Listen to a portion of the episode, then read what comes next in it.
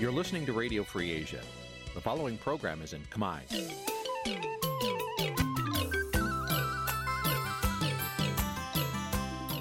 Nǐ ជាកម្មវិធីផ្សាយ Vuthu Azizi Serai នេះជាកម្មវិធីផ្សាយរបស់ Vuthu Azizi Serai ជាភាសាខ្មែរ Vuthu Azizi Serai សូមស្វាគមន៍លោកអ្នកនាងទាំងអស់ពីរដ្ឋធានី Washington នៃសហរដ្ឋអាមេរិកពីរដ្ឋធានី Washington នាងខ្ញុំសុជីវីសូមជម្រាបសួរលោកអ្នកនាងអ្នកស្ដាប់ Vuthu Azizi Serai ទាំងអស់ជាទីមេត្រីយើងខ្ញុំសូមជូនកម្មវិធីផ្សាយសម្រាប់ព្រឹកថ្ងៃច័ន្ទ11រោចខែបោះឆ្នាំថោះបញ្ញស័កពុរសករាជ2567ចាស់ដែលត្រូវនៅថ្ងៃទី5ខែកុម្ភៈគ្រិស្តសករាជ2024ជាដំបូងនេះសូមអញ្ជើញលោកអ្នកនាងស្ដាប់ព័ត៌មានប្រចាំថ្ងៃដែលមានមេត្តាដូចតទៅ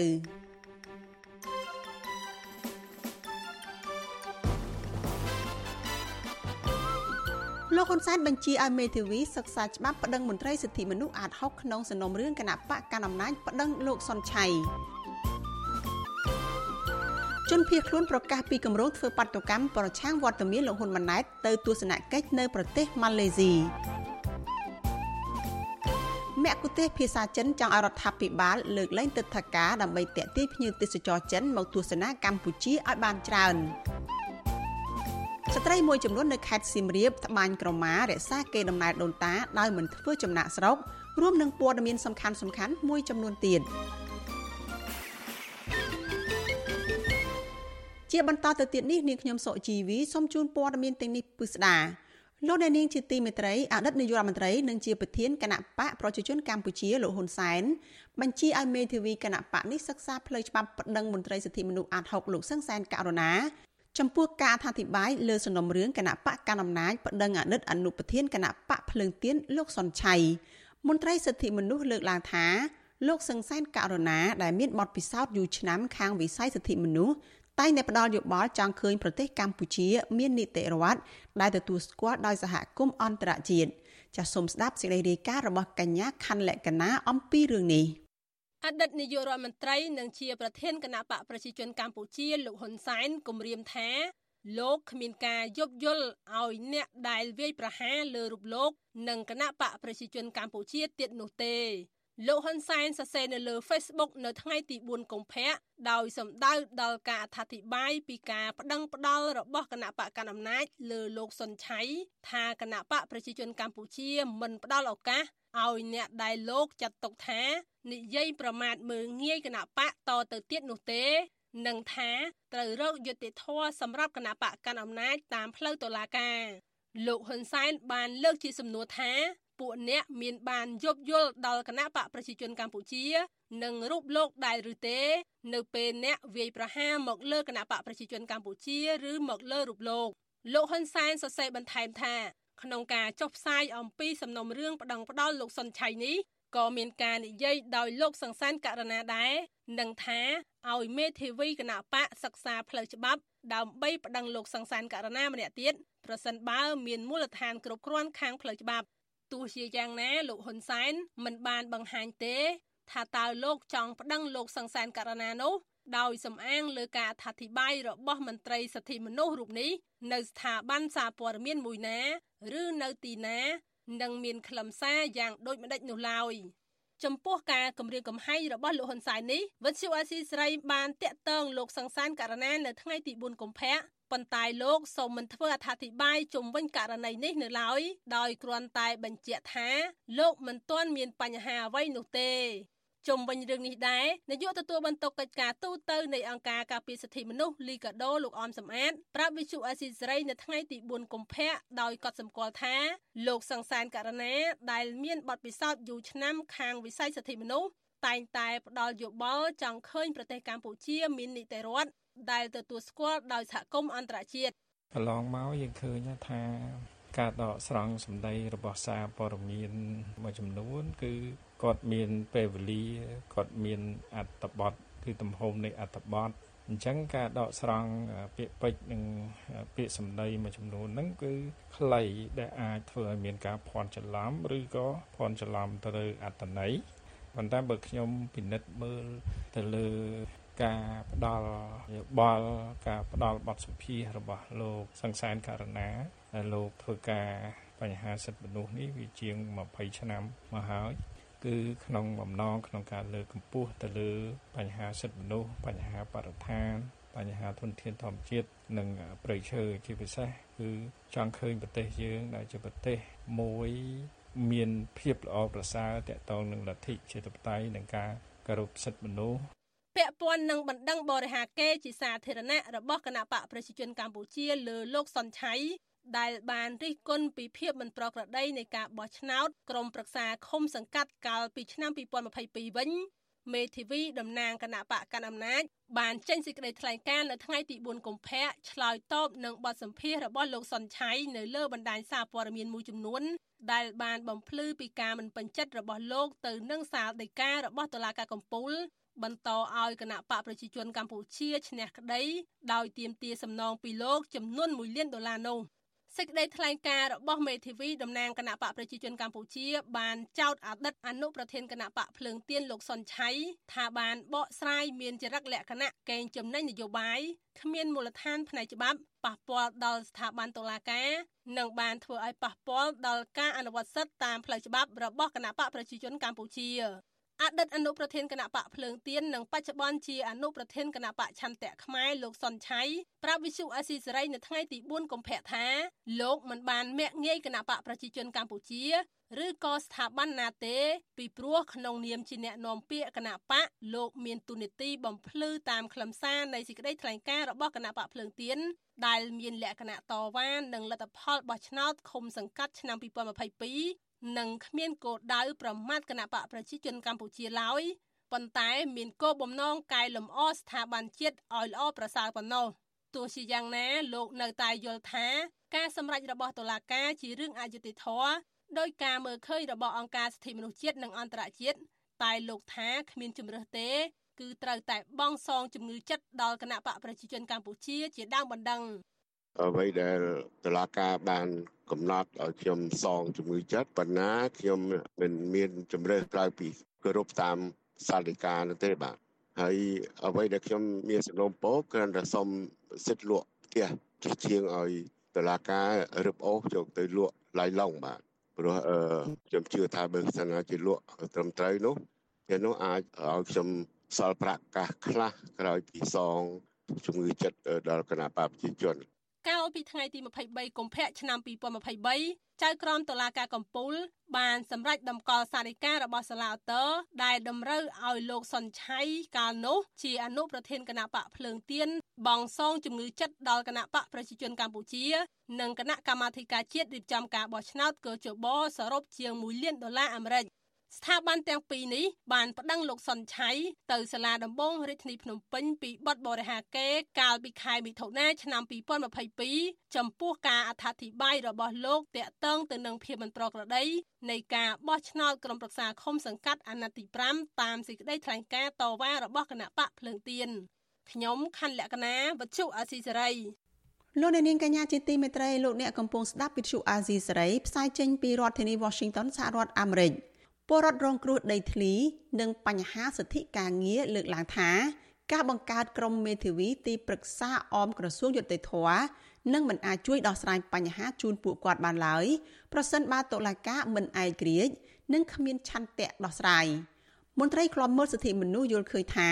ដើម្បីពង្រឹងយន្តការដោះស្រាយបញ្ហាជូនពលរដ្ឋក្រសួងយុតិធធគួរតែកែតម្រង់ប្រព័ន្ធយុតិធធឡើងវិញ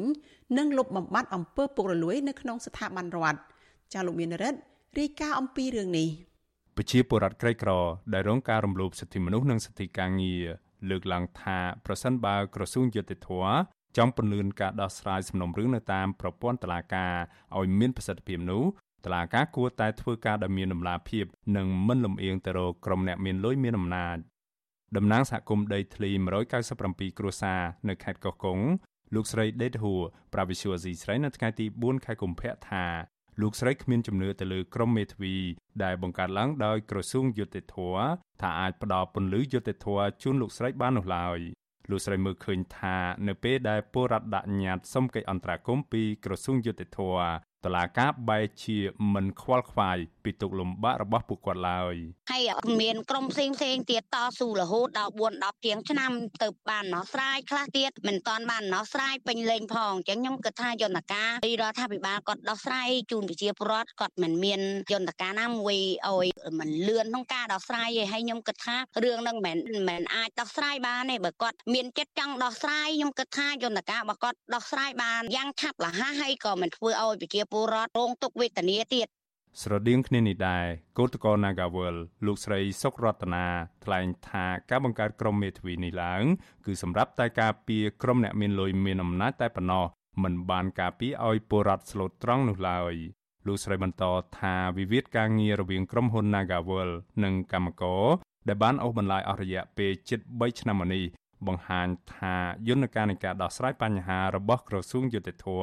នៅតែមិនអាចបំពេញការងារ ស្របតាមច្បាប់និងវិជ្ជាជីវៈនោះឡើយពួកគាត់នឹងអនុវត្តតាមបែបបទក្រសួងយុទ្ធភ័ណ្ឌនឹងបានប៉ុណ្ណាយើងអត់ហ៊ាននិយាយប៉ុន្តែជាក់ស្ដែងគឺរឿងពួកខ្ញុំខ្ញុំហ៊ាននិយាយថាពួកខ្ញុំដូចជាគ្មានការរំពឹងដោយសារវាស្ងាត់ជ្រាបពេកហើយដូចជាគ្មានការផ្ដល់យុទ្ធភ័ណ្ឌឲ្យសម្រាប់ឲ្យខ្ញុំដែលជាកម្មករនឹងទេទោះខ្ញុំពួកខ្ញុំដែលជាកម្មករប្រឹងស្រែកប្រឹងរកអំពាវនាវប៉ុណ្ណាក៏ដូចជាស្ងាត់អត់មានការអន្តរាគមពន្លឿននៃការដោះស្រាយឬក៏អាចឲ្យទៅកែណាកាវើលនឹងចេញមកដោះស្រាយឲ្យកម្មករបានទេវាពិបាកក្នុងការរស់នៅ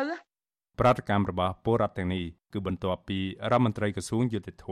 លោកកើតរិទ្ធកាលពីថ្ងៃទី2ខែកុម្ភៈប្រកាសរៀបចំមេធាវីទីប្រឹក្សាអមក្រសួងយុតិធធស្ម័គ្រចិត្តដើម្បីផ្ដល់សេវាការពីក្តីដោយឥតគិតថ្លៃក្នុងការជំរុញនិងពន្លឿនការដោះស្រាយរឿងក្តីនៅតាមប្រព័ន្ធតុលាការព្រមទាំងត្រួតពិនិត្យដោះស្រាយភាពមិនប្រក្រតីមួយចំនួននៅតាមតុលាការ ការរៀបចំក្រុមមេធាវីចំនួន209រូបនោះគឺរាប់ចាប់តាំងពីមេធាវីការពីក្តីនៅតុលាការកំពូលសាលាធននិងសាលាដំបងដែលបុរដ្ឋអាចស្វែងរកការពីក្តីបានដោយឥតគិតថ្លៃក្នុង25រាជធានីខេត្តក្រុងជុំវិញបញ្ហានេះនាយកទទួលបន្ទុកកិច្ចការទូតនៃអង្គការឃ្លាំមើលសិទ្ធិមនុស្សលីកាដូលោកអំសំអាតមានប្រសាសន៍ថាគឺជារឿងល្អដែលក្រសួងយុតិធធម៌បង្កើតក្រុមមេធាវីការពីក្តីឲ្យពលរដ្ឋដែលរងគ្រោះ ក៏ប៉ុន្តែលោកថាស្ថាប័នតុលាការមានសមត្ថភាពគ្រប់គ្រាន់ក្នុងការដោះស្រាយប្រសិនបើតុលាការមានឆន្ទៈរឿងតឡាការលោកមានភាពយុត្តិធម៌ហើយឯករាជ្យដោះស្រាយឈរលើគោលការណ៍នៃច្បាប់ឈរលើផតតាំងអានឹងគឺវាជារឿងមួយដែលនេះបាន ប៉ុន្តែបើសិនជាតឡាការមិនទាន់ឯករាជ្យហើយយើងមិនទាន់មាននីតិរដ្ឋពិតប្រាកដអានឹងក៏មិនទាន់ធានាថានឹងភាពយុត្តិធម៌នៅក្នុងសង្គមមានការទទួលស្គាល់ហើយពលរដ្ឋមានជំនឿជឿជាក់លើប្រព័ន្ធតឡាការដែរ ទោះជាយ៉ាងណាប្រព័ន្ធតុលាការនៅកម្ពុជាត្រូវបានសហគមន៍ជាតិនិងអន្តរជាតិមើលឃើញថាមិនទាន់ឯករាជ្យនៅឡើយទេព្រោះមន្ត្រីជាន់ខ្ពស់នៅក្នុងប្រព័ន្ធនេះរាប់ចាប់តាំងពីឧត្តមក្រុមប្រឹក្សានៃអង្គចក្រមរហូតដល់ចៅក្រមព្រាអញ្ញាចៅក្រមស៊ើបសួរនិងសូម្បីតែគណៈមេធាវីភាច្រើនគឺជាសមាជិកគណៈបកប្រជាជនកម្ពុជា ដែលមានលោកហ៊ុនសែនជាប្រធានគណៈបក បញ្ហានេះធ្វើឲ្យពលរដ្ឋក្រីក្រនិងស្លូតត្រង់ពិបាកជឿជាក់ទៅលើប្រព័ន្ធតុលាការថាអាចនឹងដាក់ចេញនៅយន្តការជួយដោះស្រាយបញ្ហាជូនពួកគាត់រដ្ឋាភិបាលកម្ពុជារងនឹងការរិះគន់ថាយកប្រព័ន្ធតុលាការធ្វើជាអាវុធដើម្បីកម្ចាត់ក្រុមអ្នកនយោបាយបពប្រឆាំងនិងក្រុមអ្នករិះគន់កម្ពុជាជាប់ចំណាត់ថ្នាក់ជាតិបាតតារាងជាប្រទេសពូកែខាងរំលោភច្បាប់ជាងគេនៅលើពិភពលោក នេះបើយោងតាមសន្ទុះនីតិរដ្ឋឆ្នាំ2023របស់អង្គការគម្រោងយុត្តិធម៌ពិភពលោក World Justice Project ដែលមានមូលដ្ឋាននៅរដ្ឋធានី Washington សហរដ្ឋអាមេរិកពលរដ្ឋលើកឡើងថាដើម្បីដោះស្រាយបញ្ហាជូនពួកគាត់ឲ្យមានប្រសិទ្ធភាពរដ្ឋាភិបាលនិងស្ថាប័នតុលាការគួរតែធ្វើការដោយឯករាជ្យកុំលំអៀងទៅក្រុមអ្នកមានលុយមានអំណាចជាពិសេសត្រូវចាត់ទុកទុកលំបាករបស់ប្រជាពលរដ្ឋគឺជារឿងអតិភិបក្នុងការដោះស្រាយខ្ញុំបាទមេរិត Visual Asia ស្រីពីរដ្ឋធានី Washington លោកនាងកញ្ញាជាទីមេត្រីសេចក្តីរាយការណ៍ពីប្រទេសម៉ាឡេស៊ីឲ្យដឹងថាសកម្មជនគណបកប្រជាដែលកំពុងតែភៀសខ្លួននៅប្រទេសម៉ាឡេស៊ីកំពុងតែដើរគៀងគរពលរដ្ឋខ្មែរដែលរស់នៅនិងធ្វើការនៅក្នុងប្រទេសនេះដើម្បីត្រៀមធ្វើបាតុកម្មប្រឆាំងលោកនាយករដ្ឋមន្ត្រីហ៊ុនម៉ាណែតដែលគ្រោងនឹងទៅទស្សនកិច្ចនៅប្រទេសម៉ាឡេស៊ីនៅចុងខែកុម្ភៈខាងមុខពួកគេថាគម្រោងធ្វើបាតុកម្មនេះដើម្បីទាមទារឲ្យប្រមុខរដ្ឋាភិបាលក្រុងភ្នំពេញ ងាកមកដើរតាមគន្លងប្រជាធិបតេយ្យត្រឹមត្រូវបញ្ឈប់ការរដ្ឋបិទទៅលើសិទ្ធិសេរីភាពប្រជាពលរដ្ឋនិងចាប់ឃុំខ្លួនអ្នករិះគន់និងអ្នកនយោបាយបកប្រឆាំងតាមអំពើចិត្តចាលោកច័ន្ទដារ៉ូមានសេចក្តីរាយការណ៍អំពីរឿងនេះជនភៀសខ្លួនខ្មែរនៅប្រទេសម៉ាឡេស៊ីកំពុងរៀបចំសំណើស្នើសុំអាជ្ញាធរប្រទេសនេះរៀបចំធ្វើបាតកម្មប្រឆាំងវត្តមានលោកហ៊ុនម៉ាណែតនៅពេលខាងមុខនេះ ពួកគេអះអាងថាគម្រោងបាតកម្មនេះដោយសារពួកគេចង់បង្ហាញឲ្យអន្តរជាតិបានដឹងថាពលរដ្ឋខ្មែរមិនពេញចិត្តនឹងរដ្ឋាភិបាលកម្ពុជា កំពុងដើរចាក់ឆ្ងាយពីគន្លងប្រជាធិបតេយ្យពលគឺបំបិទសិទ្ធិសេរីភាពគំរាមកំហែងធ្វើទុកបុកម្នេញនិងប្រើប្រាស់ប្រព័ន្ធតុលាការធ្វើជាអាវុធបង្ក្រាបលើពលរដ្ឋដែលមាននិន្នាការផ្ទុយរហូតមកដល់ពេលនេះអនុប្រធានគណៈបកសង្គ្រោះជាតិប្រចាំប្រទេសម៉ាឡេស៊ីលោកសាដាសមាធិ ប្រាប់បទជអាស៊ីស្រីនៅថ្ងៃទី4ខែកុម្ភៈថាពួកលោកបានរៀបចំគណៈកម្មការរួចហើយក្នុងគោលបំណងគៀងកើពលរដ្ឋខ្មែរនៅតាមបណ្ដាលរដ្ឋនីមួយៗដោយស្ម័គ្រចិត្តត្រៀមចូលរួមធ្វើបាតកម្មប្រឆាំងនឹងលោកហ៊ុនម៉ាណែតដែលដឹកនាំប្រទេសធ្វើបាបប្រជាពលរដ្ឋស្លូតត្រង់ឲ្យរងទុក្ខវេទនាមិនខុសពីឪពុករបស់លោក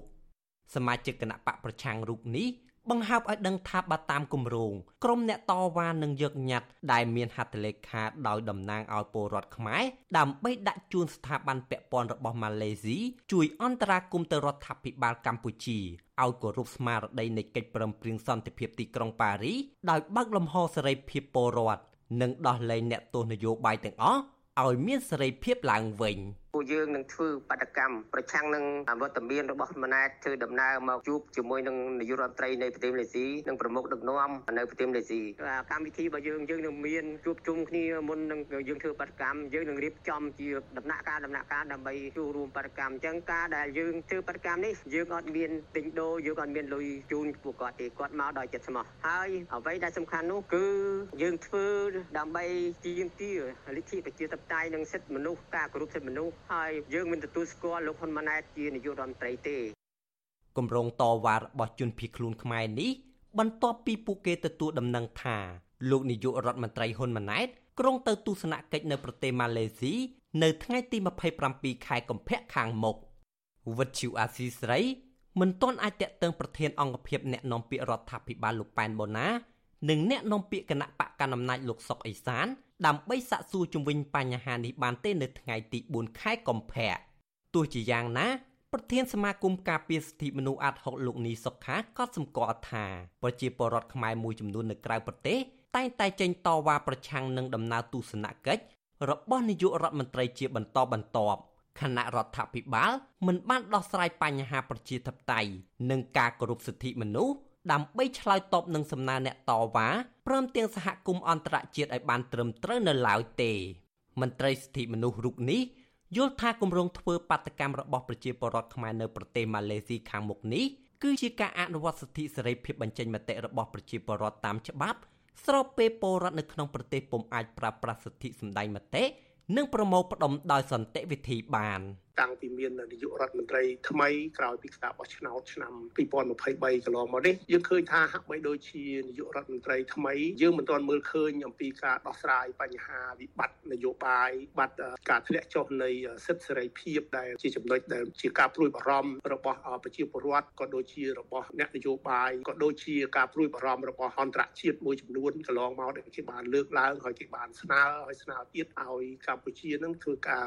ដោះស្រាយបញ្ហាវិបត្តិនយោបាយវិបត្តិសិទ្ធិមនុស្សក្រៅពីជនភៀសខ្លួន និងពលករខ្មែរនៅប្រទេសម៉ាឡេស៊ីគឺពលរដ្ឋខ្មែរនិងមន្ត្រីគណៈបកប្រឆាំងនៅប្រទេសអូស្ត្រាលី និងថៃក៏បានប្រកាសពីផែនការធ្វើបាតកម្មប្រឆាំងនឹងវត្តមានរបស់លោកហ៊ុនម៉ាណែតដែលក្រុងធ្វើទស្សនកិច្ចទៅប្រទេសទាំងនោះផងដែរកន្លងទៅពលរដ្ឋខ្មែររស់នៅប្រទេសជប៉ុន បារាំងសហរដ្ឋអាមេរិកជាដើមក៏បានធ្វើបាតកម្មប្រឆាំងវត្តមានរបស់លោកហ៊ុនម៉ាណែតដែរ ពួកគេអះអាងថាលោកហ៊ុនម៉ាណែតជាមេដឹកនាំអសមត្ថភាពធ្វើឲ្យប្រជាធិបតេយ្យកម្ពុជាដើរថយក្រោយ ចាប់តាំងពីឡើងកាន់អំណាច បន្តពីឪពុកមកលោកហ៊ុនម៉ាណែតហាក់មិនបានយកចិត្តទុកដាក់ស្ដាប់និងដោះស្រាយក្តីកង្វល់របស់ប្រជាពលរដ្ឋខ្មែរទាំងក្នុងនិងក្រៅប្រទេសដែលចង់ឃើញប្រទេសកម្ពុជាមានលទ្ធិប្រជាធិបតេយ្យនិងការគោរពសិទ្ធិមនុស្សព្រមទាំងដោះលែងអ្នកទោសនយោបាយនោះទេផ្ទុយទៅវិញ រដ្ឋាភិបាលថ្មីនេះកាន់តែផ្កើនដោយបង្ក្រាបឥតឈប់ឈរលើអ្នករិះគន់និងអ្នកនយោបាយប្រឆាំងករណីនេះត្រូវបានអ្នកតាមដានស្ថានភាពសង្គមមើលឃើញថាលោកហ៊ុនម៉ាណែតកំពុងដើរតាមគន្លងដឹកនាំតាមបែបផ្ដាច់ការដោយឪពុករបស់លោកដែលជាប់ឈ្មោះអាស្រូវលើឆាកអន្តរជាតិខាងពូកែរំលោភសិទ្ធិមនុស្សនិងលទ្ធិប្រជាធិបតេយ្យខ្ញុំបាទច័ន្ទដារោវុទ្ធុអាស៊ីសេរី លោកអ្នកនាងកញ្ញាប្រិយមិត្តអ្នកស្ដាប់ជាទីមេត្រីរដ្ឋមន្ត្រីក្រសួងទេសចរនិងទីភ្នាក់ងារសេវាកម្មទេសចរឯកជន កំពុងប្រឹងប្រែងដើម្បីតាក់ទាញអ្នកទេសចរចិនឲ្យវិលត្រឡប់មកទស្សនាកម្ពុជាឡើងវិញការប្រឹងប្រែងនេះបន្ទាប់ពីចំនួនអ្នកទេសចរចិនដែលមកទស្សនានៅកម្ពុជាធ្លាប់តែនាំមុខគេប៉ុន្តែបានធ្លាក់ចុះយ៉ាងគំហុកចាប់តាំងពីមានការរាតត្បាតជំងឺ Covid-19 មកចាសសូមអញ្ជើញលោកអ្នកនាងចារងចាំស្ដាប់សេចក្តីរាយការណ៍ពិស្ដារអំពីរឿងនេះនៅក្នុងការផ្សាយរបស់យើងនៅពេលបន្តិចទៀតនេះ។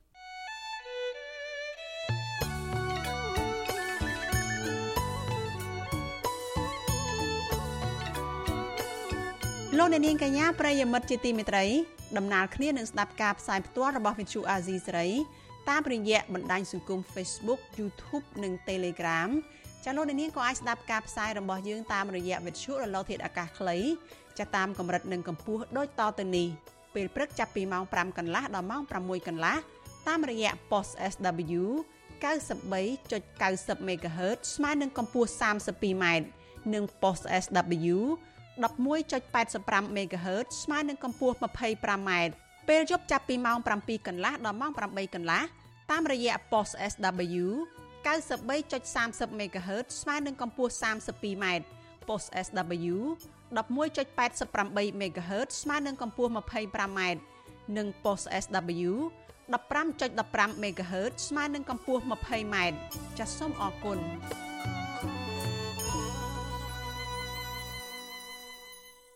លោកនាងកញ្ញាជាទីមេត្រីព័ត៌មានតកតងនឹងប្រដេចប្រគុណសំកំសាទដែលធ្វើធម្មយិត្រាតែអង្គឯងវិញម្ដងប្រដេចប្រគុណសំកំសាទបញ្ជាក់ថាព្រះអង្គពិតជាបានទទួលសារពីជនអនាមិកគម្រាមចាប់ព្រះកាយព្រះអង្គនៅពេលដែលនិមន្តទៅដល់ខេត្តកំពង់ធំនោះប្រកាសមែនប្រដេចប្រគុណសំកំសាទមានថេរដីកាប្រាប់វិទ្យុអាស៊ីសេរីកាលពីថ្ងៃទី4ខែកុម្ភៈម្សិលមិញថាជនអនាមិកនោះបានឆាតមកព្រះអង្គជាសារសម្លេងដោយគម្រាមថា នៅពេលព្រះអង្គនិមន្តទៅដល់ខេត្តកំពង់ធំនឹងត្រូវចាប់ខ្លួនទោះជាយ៉ាងណាព្រះអង្គបញ្ជាក់ថាពេលព្រះអង្គនិមន្តដល់ខេត្តកំពង់ធំពុំមាននរណាចាប់ព្រះកាយព្រះអង្គទេនឹងមានការសម្របសម្រួលឲ្យព្រះអង្គធ្វើធម្មយាត្រាបានដោយរលូន។ អាត្មាធ្វើធម្មយាត្រាថ្ងៃទី1ហ្នឹងគឺមានអាណាមកនឹងឆាតមកអាត្មាថាព្រះអង្គនៅភាពនិមន្តមកដល់ខេត្តកំពង់ធំទៅចាប់ខ្លួនហើយហើយអាត្មាក៏បានយកឆាតនឹងទុកហើយនឹងយករូបភាពនឹងទុកដែរក៏ហើយប៉ុន្តែពេលដែលធ្វើអាត្មាធ្វើធម្មយាត្រាមកដល់ខេត្តកំពង់ធំហ្នឹងมันមានអ្វីដែលឲ្យអាត្មាពិបាកក្នុងការដូចជាអាណាមកទេក៏ហើយម្យ៉ាងទៀតអាត្មាបានរូបរូបថតទាំងទៀតក៏ប៉ុន្តែអាត្មាទុករូបថតនេះដើម្បីពីរួមមានបញ្ហាអ្វីអាត្មានឹងបង្ហាញនៅរូបថតទាំងអស់នេះបង ពាក់ព័ន្ធនឹងរឿងនេះដែរអ្នកនាំពាក្យសាលាខេត្តកំពង់ធំកាលពីថ្ងៃទី3ខែកុម្ភៈចេញសេចក្តីប្រកាសព័ត៌មានបដិសេធចំពោះព័ត៌មានដែលថាអាជ្ញាធរខេត្តកំពង់ធំ មានបំណងចាប់ព្រះកាយប្រដេចប្រគុណសំកំសាទនៅពេលដែលទៅដល់ខេត្តកំពង់ធំអ្នកនាំពាក្យសាលាខេត្តកំពង់ធំបញ្ជាក់ទៀតថាអាជ្ញាធរនៅក្នុងខេត្តកំពង់ធំគោរពនៅសិទ្ធិសេរីភាពក្នុងការនិមន្តរបស់ព្រះសង្ឃ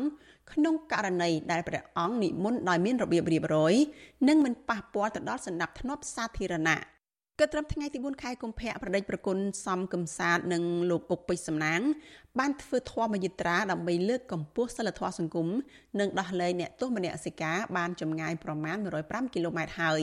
ធម៌យិត្រានេះចាប់ផ្ដើមពីទីលានប្រជាធិបតេយ្យនៅរាជធានីភ្នំពេញឆ្ពោះទៅភ្នំអត្តរសនៅក្នុងខេត្តកំពង់ស្ពឺដោយឆ្លងកាត់តាមផ្លូវជាតិលេខ6ផ្លូវជាតិលេខ5 និងឆ្លងកាត់ខេត្តកំពង់ចាមកំពង់ធំសៀមរាបបន្ទាយមានជ័យបាត់ដំបងពោធិ៍សាត់កំពង់ឆ្នាំងនិងចុងក្រោយទៅដល់ខេត្តកំពង់ស្ពឺប្រដេចប្រគុណសំកំសាទអំពីវញើដល់មេគុណនិងអាជ្ញាធរមានសមត្ថកិច្ចនៅតាមបណ្ដាខេត្តផ្សេងផ្សេងឲ្យជួយសម្រួលក្នុងការធ្វើធម្មយាត្រារបស់ព្រះអង្គជៀសវាងបង្កើតរូបភាពគម្រាមកំហែងនិងបំផិតបំភ័យដំណើររបស់ព្រះអង្គ កាលពីយប់ថ្ងៃទី4ខែកុម្ភៈប្រដេចប្រគុណសំកំសាទនិងលោកអុកពេជ្រសំណាងស្នាក់នៅផ្ទះសំណាក់មួយកន្លែងនៅក្នុងខេត្តកំពង់ធំហើយព្រះអង្គនឹងបន្តដំណើរធម្មយាត្រាឆ្ពោះទៅខេត្តសៀមរាបចាប់ពីម៉ោង5ព្រឹកថ្ងៃទី5ខែកុម្ភៈនេះ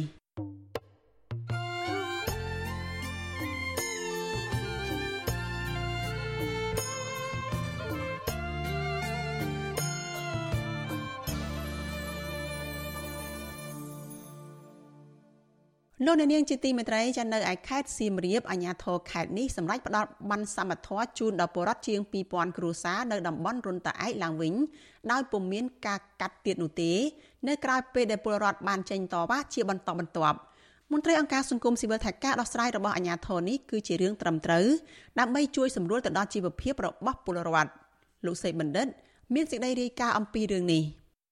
ពលរដ្ឋនិងអាជ្ញាធរមូលដ្ឋានស្រុកបន្ទាយស្រីឲ្យដឹងថា អភិបាលរងខេត្តលោកលីសំរិទ្ធនិងមន្ត្រីសង្គមគិច្ចអតីតយុទ្ធជននិងយុវនីតិសម្បទាកាលពីថ្ងៃទី1ខែកុម្ភៈបានចុះមកដោះស្រាយជាមួយនឹងប្រជាពលរដ្ឋដោយផ្ទាល់ហើយសន្យាថានឹងផ្ដល់ប្រាក់ប័ណ្ណសមធរជូនដល់ពលរដ្ឋជាង2000គ្រួសារនៅតំបន់រុនតាឯកវិញចាប់ពីថ្ងៃទី5ខែកុម្ភៈ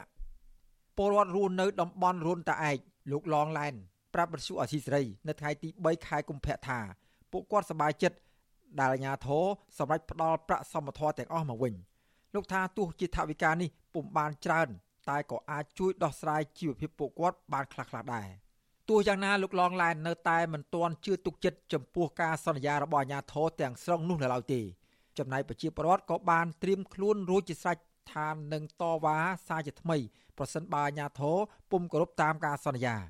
លោកថាកាលពីថ្ងៃទី26មករាអាជ្ញាធរធ្លាប់សន្យាម្ដងរួចមកហើយតែពុំបានអនុវត្តទៅតាមការសន្យានោះឡើយ។ ថាយើងដឹងហើយថាកន្លែងអភិវឌ្ឍមួយមួយហើយពេលដែលយើងចាប់ដើមអភិវឌ្ឍមុនដំបូងវាជួបការលំបាកខ្លាំងមែនទែនសម្រាប់ប្រជាពលរដ្ឋដែលគាត់អត់មានប្រភពចំណូលណាបងអញ្ចឹងមុននឹងធ្វើអ្វីឲ្យប៉ះពាល់ដល់ពួកគាត់គួរតែគិតពិចារណាបានវែងឆ្ងាយបន្តិចដើម្បីបញ្ជាការមានបញ្ហារបស់ពលរដ្ឋព្រោះនិយាយដល់ពេលដែលយើងមករស់នៅថ្មីអញ្ចឹងយើងជួបទុកលំបាកហើយដល់ពេលយើងមានបញ្ហារឿងនឹងទៀតគឺយើងកាន់តែមានទុកចិនទុកហ្នឹងឯងហ្មងអញ្ចឹងរឿងនេះវាអត់ចំណេញទេសម្រាប់រដ្ឋាភិបាលពលរដ្ឋបានអះអាងថាចាប់តាំងពីពួកគាត់ មករស់នៅតំបន់រុនត្អែកមានពលរដ្ឋស្ទើរ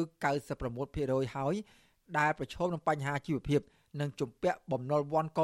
ដោយសារត្រូវខ្ចីបំណុលបន្ថែមទៀតដើម្បីសាងសង់ផ្ទះនិងចំណាយលើការហូបចុកប្រចាំថ្ងៃជុំវិញរឿងនេះវិទ្យុអាស៊ីសេរីពុំអាចតាក់ទងអភិបាលខេត្តសៀមរាបលោកប្រាក់សោភ័ណ្ឌនិងមេឃុំរុនតាឯកអ្នកស្រីឈួនអឹមបានទេ នៅថ្ងៃទី3ខែកុម្ភៈដោយហៅទូរស័ព្ទចូលតែពុំមានអ្នកទទួល។ យ៉ាងណាជំទប់ទី1ឃុំរុនតាឯកលោកទាវសំប្រាប់បទសុអាស៊ីសេរីថា កាលពីថ្ងៃទី1ខែកុម្ភៈអភិបាលរងខេត្តសៀមរាបលោកលីសំរិទ្ធនិងតំណាងមន្ត្រីសង្គមគិច្ចបានចុះមកសម្របសម្រួលជូនពលរដ្ឋរួចហើយថានឹងផ្ដល់ប្រាក់សមធម៌ទាំងអស់ដល់ពលរដ្ឋវិញ ដោយពុំមានការកាត់ពាក់កណ្ដាលនោះទេ ការបកស្រាយរបស់គាត់គឺគាត់បានទំនាក់ទំនងជាមួយនឹងបងប្អូនជាពលរដ្ឋនិងបានបកស្រាយជូនជាពលរដ្ឋដល់ពេលថ្ងៃនោះហើយតែថ្ងៃនោះគឺអាដាមគៀនគាត់បានសន្យាជូនជាពលរដ្ឋនៅថ្ងៃទី2ខែកុម្ភៈក្រសួងសង្គមគិច្ចអតីតយុវជននិងយុវនីតិសម្បទាបានចេញសេចក្តីបំភ្លឺទៅគណៈបកកម្លាំងជាតិថាបញ្ហាការតវ៉ារបស់ប្រជាពលរដ្ឋនៅតំបន់រុនតាឯកពាក់ព័ន្ធនឹងបានសមត្ថនេះរដ្ឋាភិបាលកំពុងតែដោះស្រាយទៅតាមគោលការណ៍ហើយពុំឲ្យប្រជាពលរដ្ឋបាត់បង់ផលប្រយោជន៍នោះទេ សេចក្តីប្រកាសដដែលនេះក៏បានស្នើសុំឲ្យប្រជាពលរដ្ឋរក្សាភាពស្ងៀមស្ងាត់ផងដែរអ្នកសម្របសម្រួលគម្រោងធុរកិច្ចនិងសិទ្ធិមនុស្សរបស់មជ្ឈមណ្ឌលសិទ្ធិមនុស្សកម្ពុជាលោកវ៉ាន់សុផាត លើកឡើងថាការសម្រេចផ្ដល់ជូនប្រាក់បានសមធម៌ដល់ពលរដ្ឋវិញពីសំណាក់អាជ្ញាធរគឺជាសញ្ញាល្អប៉ុន្តែអាជ្ញាធរគួរតែពិនិត្យឡើងវិញដល់ជីវភាពប្រជាពលរដ្ឋហើយបញ្ឈប់ការបណ្តេញពលរដ្ឋចេញទាំងបង្ខំតទៅទៀត អាហ្នឹងក៏វាជាការរំលោភសិទ្ធិមនុស្សមួយដែលធ្ងន់ធ្ងរហើយជាពិសេសគឺអនុសាសន៍របស់ Amnesty International ឬមួយក៏ UNESCO ថ្មីថ្មីនេះគឺថាសូមឲ្យបញ្ឈប់ការបណ្ដឹងចេញដោយមិនទាន់ហើយនឹងពិនិត្យមើលទៅលើជីវភាពរបស់ជីវរដ្ឋដែលត្រូវបានបណ្ដឹងចេញទៅនៅរុនតាឯកហ្នឹងណាចាប់តាំងពីចុងខែមករារហូតដល់ដើមខែកុម្ភៈប្រជាពលរដ្ឋជាង2000នាក់បាននាំគ្នាប្រមូលផ្ដុំតវ៉ានៅខាងមុខសាលាឃុំរុនតាឯកនិងនៅផ្សារថ្មី ក្នុងភូមិរុនតាឯក អស់រយៈពេល3លើកមកហើយក្រោយពីរដ្ឋាភិបាលបានកាត់ប្រាក់បានសមធម៌ពីពលរដ្ឋចំនួនពី20ទៅ30ម៉ឺនរៀលក្នុងមួយគ្រួសារឬកាត់យ៉ាងតិចពាក់កណ្ដាលក្រោមហេតុផលថាយកប្រាក់នោះទៅជួយអ្នករៀនជំនាញផ្សេងផ្សេងពលរដ្ឋថាការកាត់ប្រាក់ស្ទើរពាក់កណ្ដាលនេះគឺជាការដើរផ្ទុយនឹងការសន្យារបស់រដ្ឋាភិបាលដែលសន្យាថានឹងផ្ដល់ជូនពួកគាត់រយៈពេល10ឆ្នាំខ្ញុំបាទសេកបណ្ឌិត វិទ្យុអាស៊ីសេរីពីរដ្ឋធានីវ៉ាស៊ីនតោនលោកអ្នកនាងកញ្ញាជាទីមេត្រីព័ត៌មានជាបន្តទៅទៀតនេះចាតកតងនឹងបញ្ហារបស់ប្រជាពលរដ្ឋនៅឯឃុំដូនឈុកក្នុងខេត្តកំពង់ធំចាប់ប្រជាពលរដ្ឋរស់នៅក្នុងភូមិដូនឈូកស្នើឲ្យអាជ្ញាធរអន្តរាគមន៍ឲ្យតុលាការខេត្តកំពង់ធំ លើកលែងបទចោទតាក់ទងនឹងសកម្មភាពពលរដ្ឋឈូសឆាយដីធ្វើផ្លូវធ្វើដំណើរចូលភូមិ មន្ត្រីអង្គការសង្គមស៊ីវិលលើកឡើងថាអាជ្ញាធរខេត្តគួរតែសម្របសម្រួលទំនាស់រវាងប្រជាពលរដ្ឋនិងម្ចាស់ដីនៅអមសងខាងផ្លូវនេះឲ្យបានឆាប់ជាជាងអូសបន្លាយរឿងក្តីទៅតុលាការដែលនាំឲ្យពលរដ្ឋចេញតវ៉ាសារជាថ្មី ចាលោកមានរិទ្ធមានសេចក្តីរាយការណ៍មួយទៀតអំពីរឿងនេះប្រជាពលរដ្ឋនៅភូមិដូនឈូកឃុំនីពេជ្រស្រុកកំពង់ស្វាយខេត្តកំពង់ធំ ស្នើឲ្យអាជ្ញាធរអន្តរាគមទៅតុលាការខេត្តកំពង់ធំឲ្យលើកលែងបទចោទប្រកាន់ទៅលើអ្នកដែលបានឈូសឆាយផ្លូវឲ្យបានឆាប់ជាជាងបន្តនីតិវិធីនៅតុលាការធ្វើឲ្យប៉ះពាល់ដល់ជីវភាពរបស់ប្រជាពលរដ្ឋពលរដ្ឋនៅភូមិដូនឈូកម្នាក់លោកញឹមវាងប្រាវិសុវស៊ីស្រីថាអាយកាអមសាលាដំបងខេត្តកំពង់ធំ បានកោះហៅលោកនិងលោកញឹមភ័ណ្ឌឲ្យចូលបំភ្លឺនៅតុលាការខេត្តកំពង់ធំ នៅថ្ងៃទី7ខែកុម្ភៈ លោកចាត់ទុកថាការបន្តនីតិវិធីទៅលើប្រជាពលរដ្ឋដែលគ្រាន់តែឈូសឆាយដីផ្លូវដែលមានតាំងពីបរមបុរាណដើម្បីឲ្យប្រជាពលរដ្ឋងាយស្រួលធ្វើដំណើរឡើងវិញនេះគឺជាការធ្វើទុកបុកម្នេញទៅលើប្រជាពលរដ្ឋសាជាថ្មីម្ដងទៀតខណៈការឈូសឆាយផ្លូវទំហំ6ម៉ែត្រគឺធ្វើឡើងទៅតាមទំហំដែលមានតាំងពីបុរាណមកតែប៉ុណ្ណោះសំណុំពរអាញាធរគ្រប់ដំណាក់ថ្នាក់ទាំងអស់ខ្ញុំចង់ឲ្យគាត់មើលសំណុំរឿងនឹងសារថ្មីវិញ ចូលមិនបានរឿងនឹងចប់ពី1ហើយដល់1ទៀតឥឡូវដល់7នាក់ទៀតចង់ឲ្យគាត់ដកពាក្យមិនដឹងនឹងឯងដើម្បីឲ្យប្រជាពលរដ្ឋបានធ្វើដំណើរស្រួលកុំឲ្យប្តឹងប្រជាពលរដ្ឋវិញដោយសារតែមានការតវ៉ារបស់ប្រជាពលរដ្ឋភូមិដូនឈូកប្រមាណ300នាក់នៅខាងមុខសាលាដំបងខេត្តកំពង់ធំតឡាការខេត្តនេះបានសម្រេចដោះលែងលោកលូតឡាញ់ដែលជាអ្នកឈូសឆាយផ្លូវចូលភូមិឲ្យមានសេរីភាពវិញកាលពីថ្ងៃទី29ខែធ្នូ លោកលូតឡាញ់បានជាប់ពន្ធនាគារជិត1ខែក្រោមបទចោទប្រើហិង្សាទៅលើអ្នកកាន់កាប់អចលនវត្ថុដោយសុចរិតដែលមានលោកស្រីសាន់ចម្ប៉ាជាម្ចាស់ដីនៅអមសងខាងផ្លូវចូលទៅកាន់ភូមិដូនឈូកជាដើមបណ្ដឹង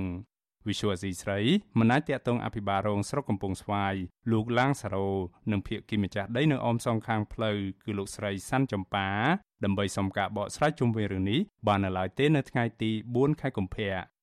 ជុំវិញបញ្ហានេះប្រធានសមាគមសម្ព័ន្ធនិស្សិតបញ្ញវន្តខ្មែរលោកកើតសរាយមានប្រសាសន៍ថាអាញាធរពពន់គួរអន្តរាគមឲ្យតុលាការលើកលែងបទចោទប្រកាន់ទៅលើប្រជាពលរដ្ឋឲ្យបានឆាប់រហ័សព្រោះលោកថាការឈូសឆាយផ្លូវរបស់អ្នកភូមិធ្វើឡើងក្នុងគោលបំណងបានផ្លូវធ្វើដំណើរចេញចូលភូមិតែប៉ុណ្ណោះខ្ញុំក៏អំពាវនាវដល់តុលាការខេត្តកំពង់ធំដែរថាសូមឲ្យ កុំចាត់ទុករឿងបែបនេះវាទៅជាបទល្មើសអី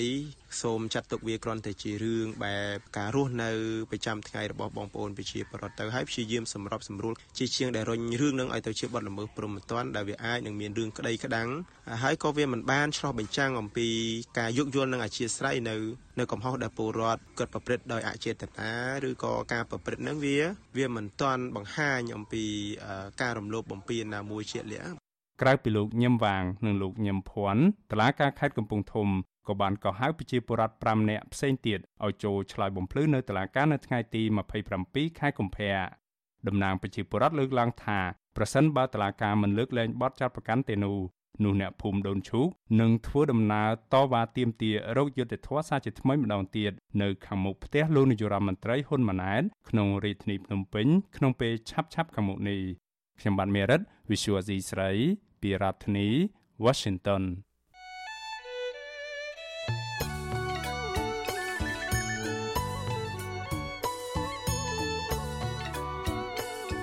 លោកអ្នកនាងកញ្ញាប្រិយមិត្តជាទីមេត្រីដំណើរគ្នានឹងស្ដាប់ការផ្សាយផ្ទាល់របស់ Vithu Azizi សេរីតាមរយៈបណ្ដាញសង្គម Facebook YouTube និង Telegram ចាលោកអ្នកនាងក៏អាចស្ដាប់ការផ្សាយរបស់យើងតាមរយៈ Vithu រលកធាតុអាកាសខ្លីចាតាមកម្រិតនិងកម្ពស់ដូចតទៅនេះពេលព្រឹកចាប់ពីម៉ោង5កន្លះដល់ម៉ោង6កន្លះតាមរយៈ post SW 93.90 MHz ស្មើនឹងកម្ពស់ 32m និង post SW 11.85 MHz ស្មើនឹងកម្ពស់ 25m ពេលយប់ចាប់ពីម៉ោង7កន្លះដល់ម៉ោង8កន្លះតាមរយៈ post SW 93.30 MHz ស្មើនឹងកម្ពស់ 32m post SW 11.88 MHz ស្មើនឹងកម្ពស់ 25m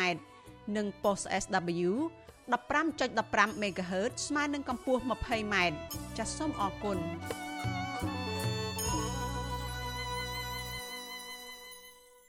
លោកអ្នកនាងកំពុងស្ដាប់ការផ្សាយរបស់ Vithu Azizi Serai មន្ត្រីក្រសួងទេសចរនិងទីភ្នាក់ងារសេវាកម្មទេសចរឯកជនកំពុងប្រឹងប្រែង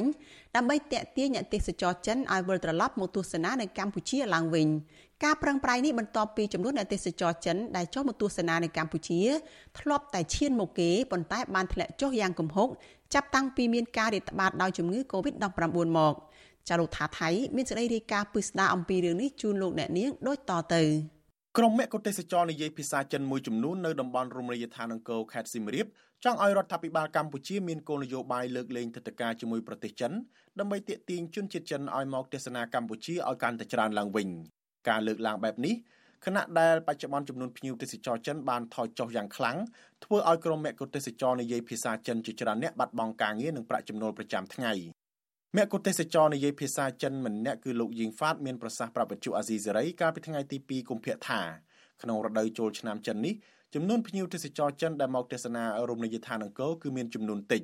លោកថាការបាត់បង់ភ្ញៀវទេសចរចិននេះធ្វើឲ្យក្រុមមគ្គុទេសចរនិយាយភាសាចិនជាច្រើនអ្នកបាត់បង់ការងារនិងប្រាក់ចំណូលលោកយីងហ្វាតចង់ឲ្យរដ្ឋាភិបាលកម្ពុជាមានគោលនយោបាយលើកលែងទឹកតការដោយប្រទេសជិតខាងដើម្បីទាក់ទាញជនជាតិចិនឲ្យមកទស្សនាកម្ពុជាបានច្រើន បើនិយាយពីរឿងលើកលែងបដការនោះគឺថាបើកាយគេចង់បានឲ្យតែចុះឯងព្រោះធម្មតាប្រទេសជិតខាងនោះគេលើកលែងណាដូចជាថៃនេះមួយសិង្ហបុរីនេះមួយគេលើកលែងវីសាចិនហើយដើម្បីថាគេទទួលភ្ញៀវចិនឲ្យមកច្រើនបើយើងឃើញថាមានផលប្រយោជន៍ដល់ទៅប្រជាជនយើងច្រើនយើងលើកលែងទៅអានោះវាល្អមែនទេ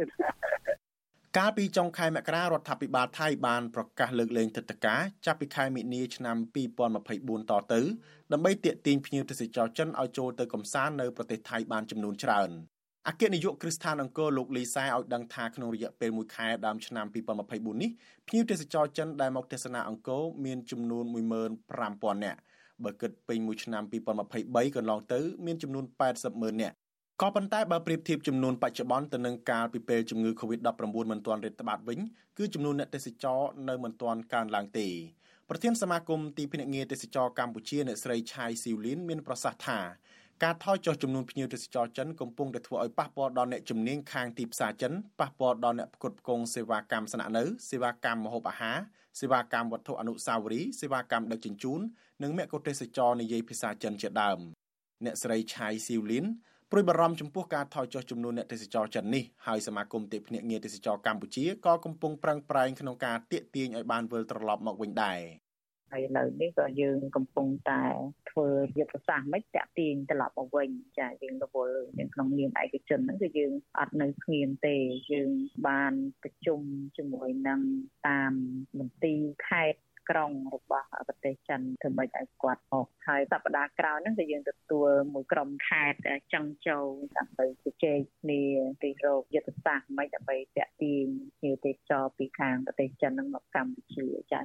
អ្នកនាំពាក្យក្រសួងទេសចរលោកតបសុភ័ក្រមានប្រសាសន៍ថាបច្ចុប្បន្នមិនថាតែកម្ពុជាទេគឺប្រទេសជាច្រើននៅក្នុងពិភពលោកកំពុងចាប់អារម្មណ៍ទៅលើទីផ្សារទេសចរចិនពីព្រោះតែប្រទេសចិនមានប្រជាជនច្រើន លោកតបសុភ័ក្របញ្ជាក់ថាថ្មីត្បិតតែកម្ពុជាកំពុងមានកិច្ចសហប្រតិបត្តិការទាំងផ្នែករដ្ឋនិងឯកជនក្នុងការទាក់ទាញអ្នកទេសចរចិនក៏ដោយក៏កម្ពុជាមិនមានគោលនយោបាយលើកលែងទឹកតការដោយប្រទេសផ្សេងទៀតទេ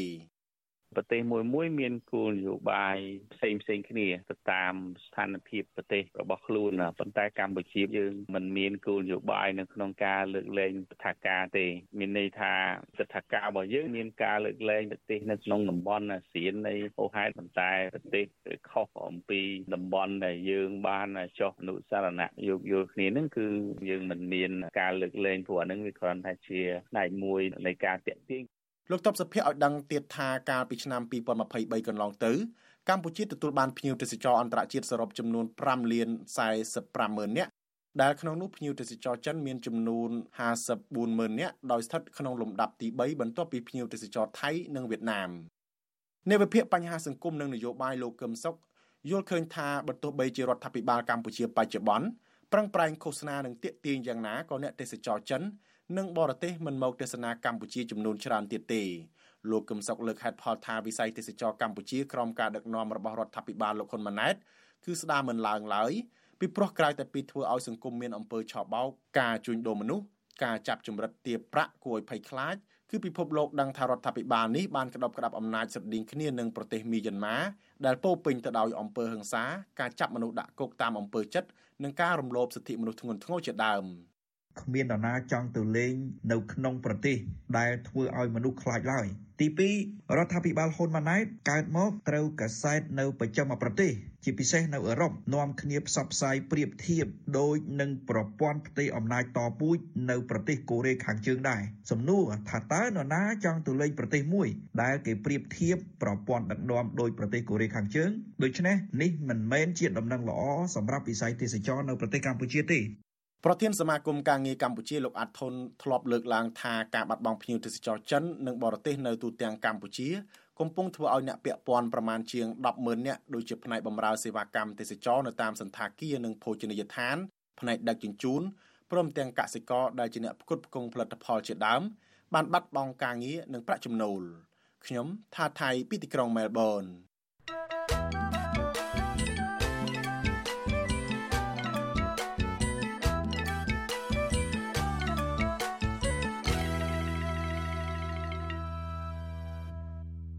លោកអ្នកនាងជាទីមេត្រីសេចក្តីរាយការណ៍ពីខេត្តរតនគិរីឯណោះឲ្យដឹងថាជនជាដើមភាគតិចរស់នៅតាមដងទន្លេសេសានក្រោមនៃស្រុកវើនសៃស្រុកតាវែងនិងស្រុកអណ្ដូងមាសកំពុងព្រួយបារម្ភចំពោះការរុះរើលំនៅឋានរបស់ពួកគាត់ចាកចេញពីតំបន់ដែលពួកគាត់ធ្លាប់រស់នៅជាយូរឆ្នាំមកហើយការព្រួយបារម្ភនេះគឺនៅស្របពេលដែលក្រុមហ៊ុនចិនមួយឈ្មោះថា China Cambodia Rich International មានគម្រោងទៅសាងសង់ទំនប់វារីអគ្គិសនីសេសានក្រោម3នៅក្នុងឃុំកោះពៀកនៃស្រុកវឿនសៃនាពេលខាងមុខចាសសូមស្ដាប់សេចក្តីរាយការណ៍មួយទៀតរបស់លោកសេកបណ្ឌិតអំពីរឿងនេះសង្គមស៊ីវិលជំរុញឲ្យរដ្ឋាភិបាលកម្ពុជា គួរតែសិក្សាឲ្យបានត្រឹមត្រូវទៅលើផលប៉ះពាល់បរិស្ថាន ប្រជាពលរដ្ឋនិងជីវៈចម្រុះជាមុនសិន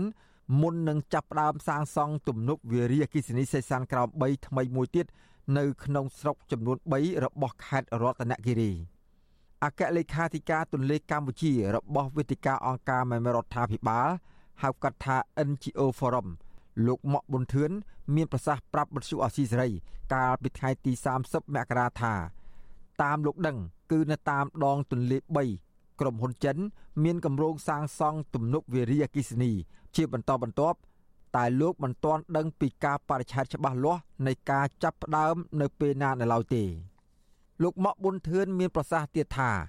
ជំហររបស់អង្គការសង្គមស៊ីវិលគឺជំរុញឲ្យរដ្ឋាភិបាល គួរសិក្សាឲ្យបានលម្អិតនិងត្រឹមត្រូវទៅលើផលប៉ះពាល់បរិស្ថានជីវៈចម្រុះនិងការរស់នៅរបស់ប្រជាពលរដ្ឋដែលភ ieck ច្រើនជាជនជាតិដើមភ ieck តិចដោយបើកទូលាយឲ្យមានការចូលរួមពីអង្គការក្រៅរដ្ឋាភិបាល និងសហគមន៍ប្រជាពលរដ្ឋនៅក្នុងតំបន់នោះផង។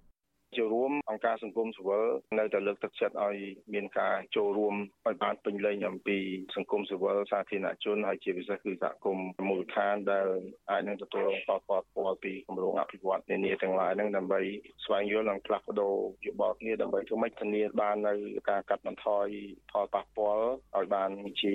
អតិបរមាការជំរុញរបស់អង្គការក្រៅរដ្ឋាភិបាលបែបនេះ បន្ទាប់ពីគេបានឃើញលិខិតរបស់រដ្ឋបាលខេត្តរតនគិរីមួយច្បាប់ ដែលផ្ញើជូនអភិបាលស្រុកចំនួន3ឲ្យជួយសម្រួលនិងសហការជាមួយអ្នកបច្ចេកទេសក្រុមហ៊ុន China Cambodia Rich International ចុះធ្វើការសិក្សាជំហានដំបូងដើម្បីកំណត់ទីតាំងគម្រោងសាងសង់ទំនប់វារីអគ្គិសនី នៅតាមដងទន្លេសេសានក្រោមចាប់ពីខ្សែទឹកខាងលើនៃវារីអគ្គិសនីសេសានក្រោម2រហូតដល់ព្រំដែនកម្ពុជាវៀតណាម។ ប្រជាពលរដ្ឋជាច្រើនដែលរស់នៅតាមបណ្ដោយដងទន្លេសេសានក្រោមក៏កំពុងចាប់ផ្ដើមព្រួយបារម្ភចំពោះផលប៉ះពាល់នានាមកលើពួកគេដែរខណៈដែលគេបានឃើញក្រុមមនុស្សចម្លែកមុខចូលទៅសិក្សាគម្រោងទំនប់វារីអគ្គិសនីនៅតំបន់ពួកគេរស់នៅបណ្ដាញសហគមន៍នេសាទឃុំកោះពាកដែលនៅជាប់នឹងទីតាំងគម្រោងទំនប់វារីអគ្គិសនីសេសានក្រោម3លោកស៊ូគូមានប្រសាសន៍ថា នៅភូមិរបស់លោកមានប្រជាពលរដ្ឋរស់នៅជាង300គ្រួសារកំពុងព្រួយបារម្ភយ៉ាងខ្លាំងចំពោះផលប៉ះពាល់នានាដោយសារទឹកលិចនៅពេលខាងមុខបរិសុទ្ធអ្នកភូមិដដែលបានបញ្ជាក់ទៀតថាភូមិរបស់លោកដែលបង្កើតឡើងតាំងពីអំឡុងឆ្នាំ1970មកហើយអ្នកភូមិបានប្រឹងប្រែងជាខ្លាំងទម្រាំបានស្រែចម្ការនិងផ្ទះធំធំរស់នៅ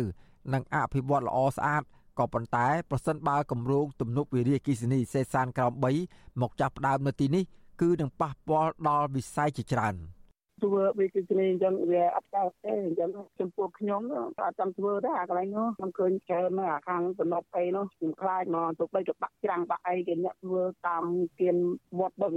ឬក៏តាមអូអីខ្ញុំឃើញជាក់ស្ដែងឃើញបាក់ផ្ទះបាក់អីអូយលំបាកមែនតើលិចត្រីទឹកនិងព្រៃឈើហើយប៉ះពាល់នឹងដំណាំប្រជាបរតក្បីគោបើលិចលិចកោះប៉ង់ឡើងអាវលើភូមិផាវទៀតចិត្តអត់ទៅវិញទៀតតែប្រជាបរតមកប្រកបមុខរបរទាំងអស់នៅម្ដុំនោះបណ្ដាញសហគមន៍នេសាទឃុំកាជូនកុកឡាក់ដែលនៅជាប់គ្នានឹងឃុំកោះពាកដែរគឺកញ្ញាវេកម៉ានី មានប្រសាសន៍ប្រហាក់ប្រហែលគ្នាដែរថា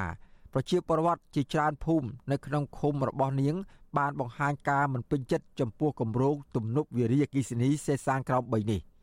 កញ្ញាវេងម៉ានី បានឲ្យដឹងដែរថាកាលពីអំឡុងឆ្នាំ2022កន្លងទៅក៏មានមនុស្សរបស់ក្រុមហ៊ុន ធ្លាប់ចុះមកសិក្សាគម្រោងសាងសង់ទំនប់វារីអគ្គិសនីនេះម្ដងរួចមកហើយក៏ប៉ុន្តែត្រូវប្រជាពលរដ្ឋជាច្រើនភូមិតវ៉ាជំទាស់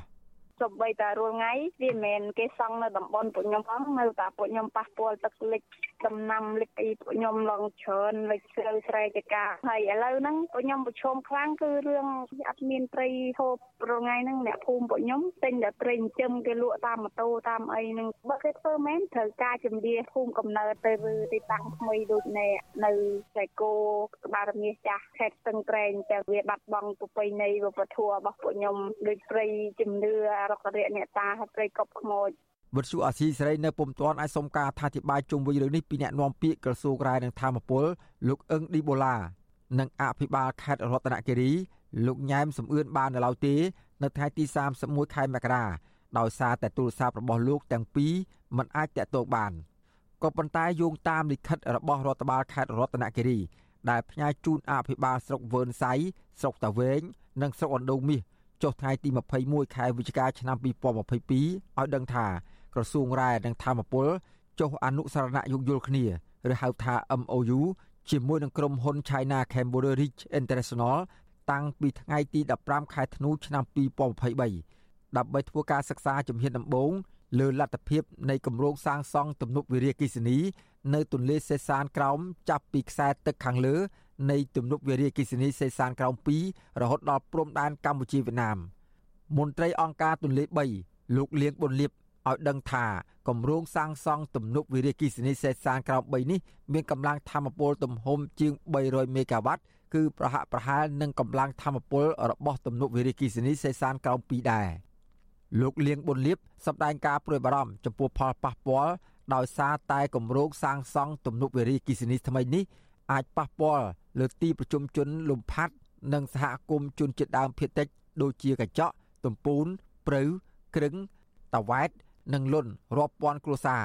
នៅក្នុងស្រុកចំនួន3 ហើយបើយើងពិប៉ះពាល់នៅនេះខ្ញុំគិតថាមនុស្សពិប៉ះពាល់ប្រហែលជា10,000គ្រួសារស្វ័យស្បិតថាស្រែពក3យើងវានៅក្នុងសួនលំផាត់នឹងមែនប៉ុន្តែនៅខាងក្រោមមានឃុំ4ជ័យឧត្តមសេរីមង្គលតពាំងច្រេះនិងស្រែក្រងអញ្ចឹងអា4នឹងសុទ្ធតែមនុស្សនៅនៅតាមមាត់ទន្លេណាលំផាត់នឹងវាក្រុងបុរាណពីដើមកាលពីសម្ដេចលោកមកបង្កើតតារាងយន្តហោះអេលីកលគាត់ចុះនៅនឹងផងនោះអញ្ចឹងមកថាមនុស្សនឹងវានៅច្រើនស្រាប់ ចាប់តាំងពីអំឡុងឆ្នាំ2017មកគម្រោងទំនប់វារីអគ្គិសនីសេសានក្រោម2ដែលជាគម្រោងខ្សែក្រវ៉ាត់និងផ្លូវរបស់ចិន នៅកម្ពុជា បានធ្វើឲ្យប្រជាពលរដ្ឋនៅភូមិក្បាលរមាសនិងភូមិស្រែគោនៃឃុំក្បាលរមាសស្រុកសេសានខេត្តស្ទឹងត្រែងចំនួនជិត5000នាក់រងផលប៉ះពាល់ពីទឹកលិចលំនៅឋានដីស្រែចម្ការស្រូវនិងផលដំណាំផ្សេងៗទៀតធ្វើឲ្យពលរដ្ឋទាំងនោះបង្ខំចិត្តផ្លាស់ប្តូរទីលំនៅ ហើយទទួលយកសំណងមិនសមរម្យចំពោះការបាត់បង់ទ្រព្យសម្បត្តិនិងប្រាក់ចំណូលរបស់ពួកគេខ្ញុំបាទសេកបណ្ឌិតវិទ្យុអាស៊ីសេរីពីរដ្ឋធានីវ៉ាស៊ីនតោន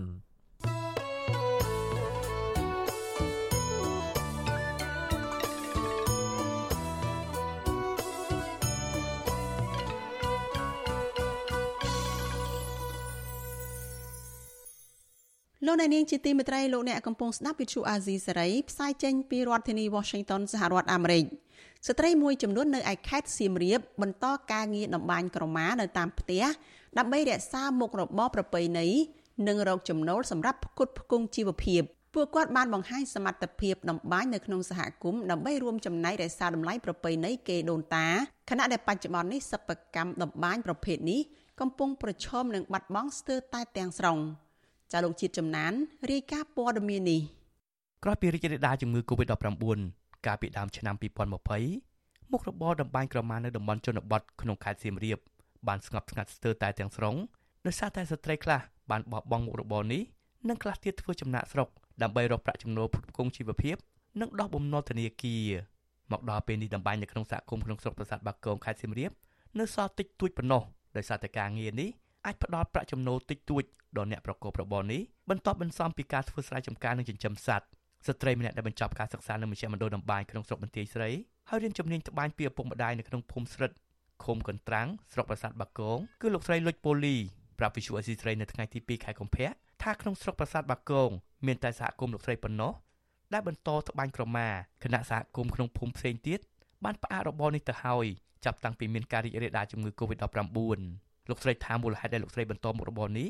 ដើម្បីរក្សាកេរដំណែលដូនតានិងចង់ឲ្យក្មេងចំនួនក្រោយបានស្គាល់ព្រោះបច្ចុប្បន្ននេះរបរនេះបានបាត់បង់ជាបន្តបន្ទាប់នៅក្នុងសហគមន៍របរមួយនេះគឺជារបរដែលគេដំណើរដូនតាយើងបន្សល់ទុកឲ្យយើងព្រោះវាចិត្តបាត់បង់អស់ហើយខំបរៀនដើម្បីឲ្យក្មេងសាក្រោយបានស្គាល់ផងដើម្បីថែរក្សាកុំឲ្យវាបាត់បង់ផងមកដល់ពេលនេះ មានតែស្ត្រី2នាក់ប៉ុណ្ណោះនៅក្នុងឃុំកន្ត្រាំងស្រុកប្រាសាទបាគងនៅបន្តត្បាញក្រមានៅរោងដំបាញខាងមុខផ្ទះនៅជាប់ផ្លូវលំក្រមាដែលពួកគាត់ត្បាញនោះត្រូវបានគេយកវត្ថុធាតុដើមពីមជ្ឈមណ្ឌលបណ្ដុះបណ្ដាលត្បាញសូត្ររបស់ធនាគារ Maybank ក្នុងស្រុកបន្ទាយស្រីហើយមជ្ឈមណ្ឌលនេះបានទទួលទិញក្រមាបន្តនៅពេលដែលពួកគាត់ត្បាញរួចរាល់លោកស្រីលុចពូលីបន្ថែមថាក្នុងមួយខែលោកស្រីអាចរកប្រាក់ចំណូលពីតម្បាញចន្លោះពី20ម៉ឺនរៀលដល់ជាង30ម៉ឺនរៀល លោកស្រីថាតម្បាញអាចឲ្យលោកស្រីធ្វើការនៅផ្ទះបានដែលអាចរកប្រាក់ចំណូលបន្ទាប់បន្សំនិងបានរួមចំណែកអភិរក្សវប្បធម៌នៅក្នុងសហគមន៍នឹងប្រសាទបកងពីដើមមិនមានតាមប្រសាទបកោតែគឺតាមសារដែលកូវីដទៅអត់មានឈឺចូលណាអត់មានចំណូលតែគឺថប់សម្រាប់អស់ចាប់តែតែដែលយើងតាមមុខរបរនេះវាមិនបានចំណូលច្រើនតែវាសម្រាប់ថាមើលទៅវាគឺលើកស្ទួយកុំគឺលើកស្ទួយរបស់បុរាណយើងសម្រាប់បាត់បង់លោកស្រីលុចពូលីបន្តថា ធ្វើបិទតែមុខរបរនេះមិនអាចធ្វើឲ្យជីវភាពពួកគាត់ធូរធារក្តីក៏ប៉ុន្តែលោកស្រីសប្បាយចិត្តនឹងធ្វើវាហើយមានបំណងចង់ពង្រីកធំជាងមុនដើម្បីជំរុញឲ្យស្ត្រីក្នុងសហគមន៍មានការងារធ្វើកាត់បន្ថយការធ្វើចំណាក់ស្រុកលោកស្រីថាមជ្ឈមណ្ឌលបណ្ដុះបណ្ដាលតម្បាញសូត្ររបស់ធនាគារ Maybank ក្នុងស្រុកបន្ទាយស្រីបានឲ្យថ្លៃឈ្នួលទៅតាមទំហំក្រមាដោយក្នុងក្រមាមួយតម្លៃចន្លោះពី4500រៀលដល់ជាង12000រៀលទៅតាមប្រភេទក្រមាលោកស្រីបន្ថែមថាមុខរបរនេះ អាចរកប្រាក់ផ្សាយផ្សំឲ្យគ្រួសារលោកស្រីមានលទ្ធភាពបង់រំលោះម៉ូតូមួយគ្រឿងក្នុងមួយខែជាង70ដុល្លារនិងថ្លៃចំណាយលើការសិក្សារបស់កូនកូនប្រជាសហគមន៍ឲ្យដឹងថាគុណភាពផលិតផលក្រមាតម្បាញនៅក្នុងសហគមន៍មានតម្លៃខ្ពស់ជាងផលិតផលក្រមាដែលអាជីវករតាំងលក់នៅលើទីផ្សារក្នុងខេត្តសៀមរាបដោយសារតែផលិតផលក្នុងស្រុកប្រើប្រាស់កប្បាសសុទ្ធដែលមានគុណភាពល្អហើយក្រមាមួយចំនួនទៀតត្រូវបានគេនាំចេញទៅលក់នៅក្រៅប្រទេសអាជីវករលក់ក្រមានៅផ្សារចាស់ ក្នុងក្រុងសៀមរាបកញ្ញារ៉េតស្រីហាក់ប្រាប់ថាក្រមាដែលកញ្ញាលក់នៅលើទីផ្សារភាគច្រើននាំចូលពីខេត្តបាត់ដំបងដែលមានតម្លៃថោកសមរម្យផ្ទុយពីក្រមាក្នុងសហគមន៍ខេត្តសៀមរាបដែលមានតម្លៃថ្លៃក៏ប៉ុន្តែគុណភាពខ្ពស់ដោយសារតែផលិតពីកប្បាសសុទ្ធកញ្ញាថាភ្ញៀវភាគច្រើនចង់បានតែក្រមាដែលមានតម្លៃថោកសមរម្យទើបកញ្ញាមិនហ៊ានទិញផលិតផលនៅក្នុងសហគមន៍មកលក់បន្តដោយសារតែតម្លៃខ្ពស់ ព្រោះទៅតាមហាងពួកហាងអតិសងហាងអីទៅគេមានពួកអំបោះលេខ1អំបោះអីអាហ្នឹងគេត្បាញឲ្យយើងនឹងឯងត្បាញនៅសៀមរាបហ្នឹងណាពួកយំអញ្ចឹងលក់ដូចពួកកម្មាយើងលក់បាញ់លក់ទូទៅធម្មតាអញ្ចឹងអត់មានពិសេសមានអីទេតែកម្មាវាមានបើសិនជាយកអាល្អមកតម្លៃវាទៅតាមនឹងដែរថ្លៃដោយសារយើងយកលេខ1ត្បាញហាំបោះសតអីចឹងតម្លៃវាថ្លៃមជ្ឈមណ្ឌលបណ្ដោះបណ្ដាលតម្បាញសូត្ររបស់ធនាគារ Maybank មានទស្សនវិស័យក្នុងការធ្វើឲ្យរស់ឡើងវិញនៅវិស័យតម្បាញកាលពីបុរាណមជ្ឈមណ្ឌលនេះស្ថិតនៅក្នុងស្រុកបន្ទាយស្រីខេត្តសៀមរាបដែលបណ្ដុះបណ្ដាលស្ត្រីជាច្រើនអ្នកឲ្យរៀនជំនាញតម្បាញហើយទទួលសិក្ខាកាមចំនួន25នាក់ក្នុងមួយវគ្គដែលមានរយៈពេល5ខែគ្រូបង្រៀនតម្បាញក្នុងមជ្ឈមណ្ឌលនេះគឺលោកស្រីចិនចន្ទ្រាដែលបង្រៀនស្ត្រីជាច្រើនអ្នកចាប់តាំងពីឆ្នាំ2019ក្នុងពេលដែលបង្កើតមជ្ឈមណ្ឌលនេះស្ត្រីរូបនេះកំពុងបង្រៀនសិស្សវគ្គថ្មីចំនួន25នាក់ទៀតនិងសិស្សជាច្រើនអ្នកទៀតរៀនត្បាញតាមផ្ទះដោយមានសមាជិកក្រុមគ្រួសាររៀនបន្តនៅពេលទំនេរ លោកស្រីចិនចន្ទ្រាបន្ថែមថាគោលបំណងមជ្ឈមណ្ឌលគឺដើម្បីពង្រីកសមត្ថភាពស្ត្រីក្នុងសហគមន៍ដែលគ្មានការងារធ្វើនៅផ្ទះគ្មានជំនាញសម្រាប់ខ្លួនឯងដើម្បីរកប្រាក់ចំណូលលោកស្រីថាសិស្សដែលរៀនចប់មួយចំនួនកំពុងត្បាញឲ្យមជ្ឈមណ្ឌលហើយពួកគាត់ភាគច្រើនត្បាញនៅតាមផ្ទះនិងខ្លះទៀតត្បាញនៅកន្លែងផ្សេងផ្សេងទៀតដោយទទួលបានប្រាក់ឈ្នួលខ្ពស់ហើយអាចឆ្លៀតធ្វើការនៅពេលយប់បានលោកស្រីបន្ថែមថាក្នុងអំឡុងពេលសិក្សារយៈពេល5ខែ សិស្សម្នាក់ៗនឹងទទួលបានប្រាក់ឧបត្ថម្ភក្នុងមួយខែចំនួន180,000រៀលហើយនៅពេលសិក្សាចប់នឹងទទួលបានឧបករណ៍តម្បាញមួយផ្សេងទៀតគឺយើងចង់ជួយពង្រឹងស្ត្រីដែលគាត់អត់មានការធ្វើនៅផ្ទះតែភាគច្រើននិយាយរួមនៅក្នុងសហគមន៍ម្ដុំកន្លែងហ្នឹងគឺភាគច្រើនគាត់នៅផ្ទះមួយកោអត់តែធ្វើអត់មានជំនាញសម្រាប់ខ្លួនឯងគាត់មិនបានរកចំណូលចូលគ្រួសារច្រើនប៉ុន្តែគាត់អាចធ្វើបានតិចតួចទាំងការងារផ្ទះទាំងរកប្រាក់ចំណូលទាំងមួយកោ ជុំវិញរឿងនេះមេឃុំកន្ត្រាំងក្នុងស្រុកប្រាសាទបាគងលោកខៀមឆាង មានប្រសាសន៍ថាក្នុងឃុំរបស់លោកមានតែពលរដ្ឋមួយគ្រួសារប៉ុណ្ណោះដែលនៅបន្តត្បាញក្រមានេះនៅតាមផ្ទះរបស់ខ្លួនឯងហើយតាំងលក់ផលិតផលក្រមានៅក្នុងសហគមន៍លោកគាំទ្រឲ្យស្ត្រីក្នុងសហគមន៍រៀនជំនាញវិជ្ជាជីវៈមួយនេះដើម្បីរួមចំណែករក្សាទំនៀមទម្លាប់ពីដូនតា និងលើកកម្ពស់ជីវភាពសហគមន៍គណៈបច្ចុប្បន្នពុំសូវមានអ្នកចាប់អារម្មណ៍ពីជំនាញមួយនេះនោះទេខ្ញុំបើ គំនិតរបស់ខ្ញុំគឺខ្ញុំឯកភាពមិនតែក្រែកជំរុញទៅអត់ទៅព្រោះខ្ញុំភាគច្រើនគិតចាស់ចាស់នៅផ្ទះគិតមួយដាំបន្លែដាំមួយរបស់គិតក្រមស្ត្រីដងបាញចង់ឲ្យពលរដ្ឋខ្មែរនិងសាធារណជនគាំទ្រផលិតផលក្នុងស្រុកដើម្បីផ្ដល់កម្លាំងចិត្តដល់អ្នកដំបានក្នុងសហគមន៍មូលដ្ឋានដែលជាផ្នែកមួយកាត់បន្ថយការចំណាក់ស្រុកនិងផ្ដល់តម្លៃទៅលើផលិតផលក្នុងស្រុកផ្ដល់ជំនាញវិជ្ជាជីវៈដល់ស្ត្រីក្នុងសហគមន៍ដែលគ្មានការងារធ្វើខ្ញុំបាទជាចំណាន Visual Assisray ប្រធានាទី Washington Música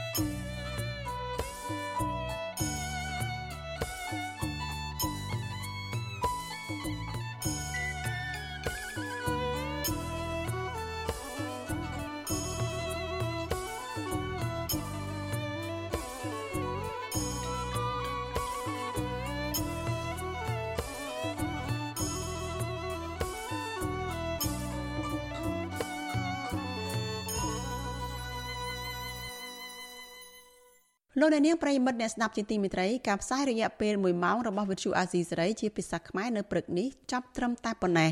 នាងខ្ញុំសុជីវីព្រមទាំងក្រុមការងារទាំងអស់នៃវិទ្យុអាស៊ីសេរី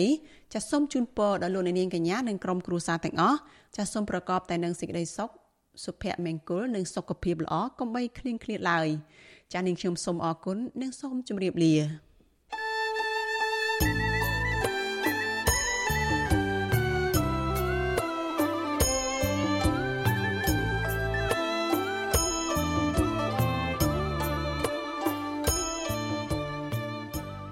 ទ្យុអេស៊ីសរ៉ៃផ្សាយតាមរលក ធាតុអាកាសខ្លីតាមកម្រិត និងកម្ពស់ដូចតទៅនេះ ពេលព្រឹកចាប់ពីម៉ោង5កន្លះដល់ម៉ោង6កន្លះតាមរយៈប៉ុស SW 93.90 MHz ស្មើនឹងកម្ពស់ 32m និងប៉ុស SW 11.85 MHz ស្មើនឹងកម្ពស់ 25m ពេលយប់ចាប់ពីម៉ោង7កន្លះដល់ម៉ោង8កន្លះតាមរយៈប៉ុស SW 93.30 MHz ស្មើនឹងកម្ពស់ 32m ប៉ុស SW 11.88 MHz ស្មើនឹងកម្ពស់ 25m និងប៉ុស SW 15.15 MHz ស្មើនឹងកម្ពស់ 20m លោកអ្នកនាងក៏អាចស្ដាប់និងទស្សនាការផ្សាយផ្ទាល់នៅលើគេហទំព័រ Visual Asia Serai តាមរយៈអាសយដ្ឋាន rfa.org/ ក្រៅពីនេះលោកអ្នកនាងក៏អាចអាននិងទស្សនាព័ត៌មាន Visual Asia Serai លើទូរស័ព្ទដៃរបស់លោកអ្នកនាងផ្ទាល់ សូមអញ្ជើញលោកអ្នកនាងដំឡើងកម្មវិធី Vithu Azizi Saray នៅលើទូរស័ព្ទដៃរបស់លោកអ្នកនាងឬស្វែងរក Vithu Azizi Saray នៅលើ YouTube ឬ Facebook ដោយស្វែងរកពាក្យថា Vithu Azizi Saray ឬ RFA ខ្មែរសូមលោកអ្នកនាងចុច like follow និងចុច subscribe ដើម្បីទទួលបានព័ត៌មានថ្មីៗតាមហេតុការណ៍និងទស្សនាវីដេអូផ្សេងៗទៀតបានគ្រប់ពេលវេលា យើងខ្ញុំសូមជូនពរដល់លោកអ្នកនាងព្រមទាំងក្រុមគ្រួសារទាំងអស់ឲ្យជួបប្រកបតែនឹងសេចក្តីសុខសេចក្តីចម្រើនរុងរឿងកុំបីឃ្លៀងឃ្លាតឡើយ។